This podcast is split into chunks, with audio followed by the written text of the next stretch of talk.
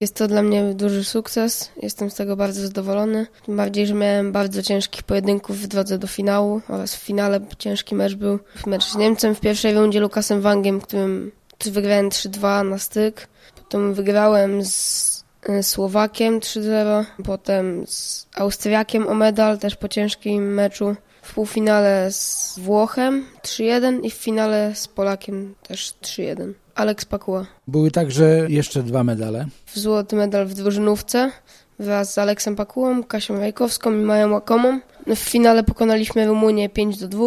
Ja wygrałem swój pojedynek z Rumunem 3-0 i był brązowy medal w deblu z Aleksem Pakułą. Ulegliśmy Rumunii 3-1.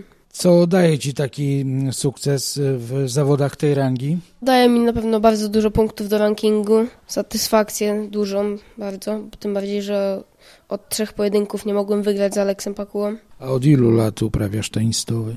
No już będzie gdzieś, myślę, że z 9, 9-10. Członkowie jesteś od kiedy? Od tego roku dopiero.